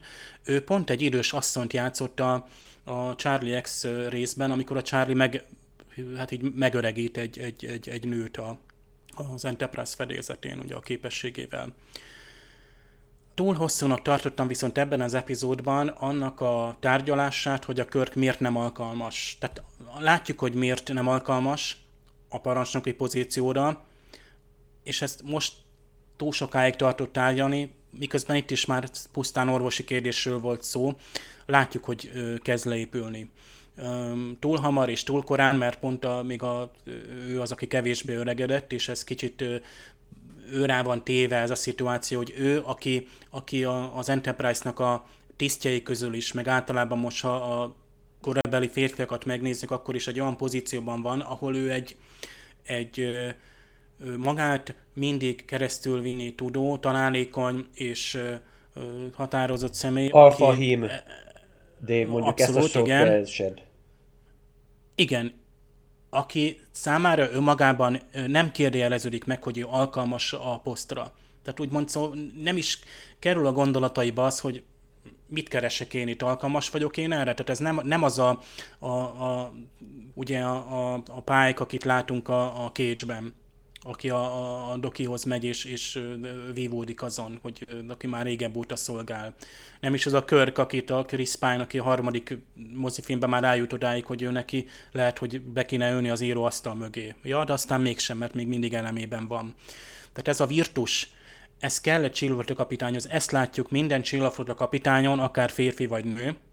Pikárban is ott van, tehát ő a, a, az adott ö, ö, distingvált megjelenésében, vagy modorában, ő benne is ott van a virtus, tudjuk, hogy akár a fiatal Pikár milyen volt, és a, ugyanezek a döntéseket Romulán hajóval áll szemközt, egyébként itt, hát itt a CGI elég gyenge ebből a fölvarázsolták, hogy itt a Romulán hajót nyilván itt a, a Balance of Terrorból volt itt átvéve.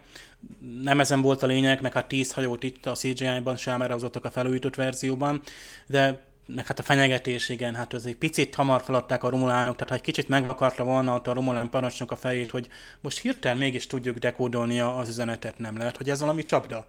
No, de nem. Hát, mivel már csak 5 perc van hátra részből, ezért be kell fejezni, és tényleg itt, itt igazából ez már, hogy be, be kellett mennünk a, a semleges zónába, tehát ha a Stoker hoz, hoz egy ilyen uh, buta döntést, tehát ő nem egy űrhajó parancsnok, sosem volt terepen, nem alkalmas a, a, arra a posztra. Tehát ott, ott egy kicsit úgy érzem, hogy ez kicsit erőltetett volt, kicsit túl sok idő ráment erre az epizódon belül, közben tehát Körköt erről az oldalról néztük meg az öregedést, holott amúgy a fizikai öregedés is ott volt az ő részéről. Tehát ott volt például a régi szerelme, tehát az, az nem volt annyira kiemelve, hogy mit érezhet egy olyan nővel szemben, akivel szemben ő annak idén ott állt, mint egy, egy, egy fes fiatal ember, egy ambiciózus, energikus személy, és most látja a leépülését. És nyilván lehet, hogy ő látta közben a, a saját férjének is ugyanezt, hogy ő 26 évvel volt idősebben a, a férje, akihez hozzáment. Érdekes volt így ezt, ezt, ezt, ezt látni, és a, nekem a lojalitás volt még egy nagyon szép, tehát hogy az utolsó pillanatig próbálják menteni körköt. Tehát mindvég egyrészt bíznak abban, hogy nem, hát körkapitány nem lehet, őt, őt nem támadhatja meg a, a szenérítás, tehát ő, ő alkalmas, tehát ő csak biztos nem figyelt oda, vagy más dolog foglalta le. Tehát ez, ez nagyon jó, tehát bár ez a tárgyalás nagyon elhúzódott, és, és mondom, én ezt tartottam fölöslegesnek, de abból a szempontból, hogy a, tiszti karnak a hűsége, az, az, az nagyon jó, hogy ez, ez ábrázolva van, és végig, hát így működhet egy, egy csillaghajó, hogy ez az abszolút bizalom a kapitány felé, és nyilván ezért rossz, tehát Körk ugye ennek a bizalomnak, a, a, a tiszteletnek, a tekintének és a, megbízhatóságának a, az, az eltűnésétől fél leginkább. Tehát neki is ott vannak a fizikai panaszai, tehát ami ugye ez az Atridisszel kezdődik, de a leg, legsősabb számára ezzel, ezzel szembesülni ennyire fiatalom. És hát itt persze, hogy fölmerül, hogy de olyan miért kell egy, egy parancslakló tisztnek is, vagy a három főtisztnek lemenni mindig bolygó felszíni küldetésekre. Nyilván az eredet sorozatban egy végez van, hogy a triumvirátusnak ott kell lenni, Körszpok meg, hogy mindig lent lesz, és maximum vannak még ott mellettük emberek és hát őket érint is majd mindig. Tehát ők, ők szembesülnek azzal, tehát az ő szemszögükből kell, hogy lássuk és megéljük ezt, és, és ez nem lett volna olyan erős rész, ha nem a Körk öregszik, vagy Körk nem öregszik meg. És ez kellett a, a, a, a Spocknak az öregedésének a, az ábrázolása. Tehát ugye mivel félig vulkáni, tehát ugyanúgy érinti, vagy nem ugyanúgy érinti, de, de őt is érinti, és éppen ezért ő nem alkalmas, de ha a Spock nem alkalmas, akkor Kirk meg még úgyse alkalmas. Ez, ez egy fontos érv ugye a Stockernek az esetében, aki azért nehezen hozza meg ezt a, a döntést, és éppen azért nem is jön annyira negatívan ki a, a figurája. Összességében nekem kedvenc epizód.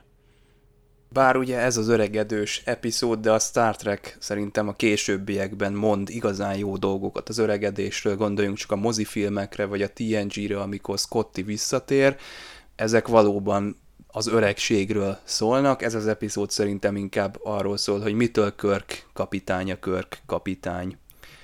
Na hát köszönjük szépen erre a hétre is a figyelmet, jövő héten jövünk vissza, természetesen folytatjuk az eredeti sorozatot, és hamarosan jön a triblis epizód, bár még nem a jövő héten, de közeledünk hozzá, úgyhogy jól jött ki ez a short tracks itt az elején, hogy megnéztük a eredet történetet, hiszen szerintem még emlékezni fogunk rá. Na hát köszönjük akkor még egyszer, jövő héten találkozunk, sziasztok! Sziasztok! Sziasztok!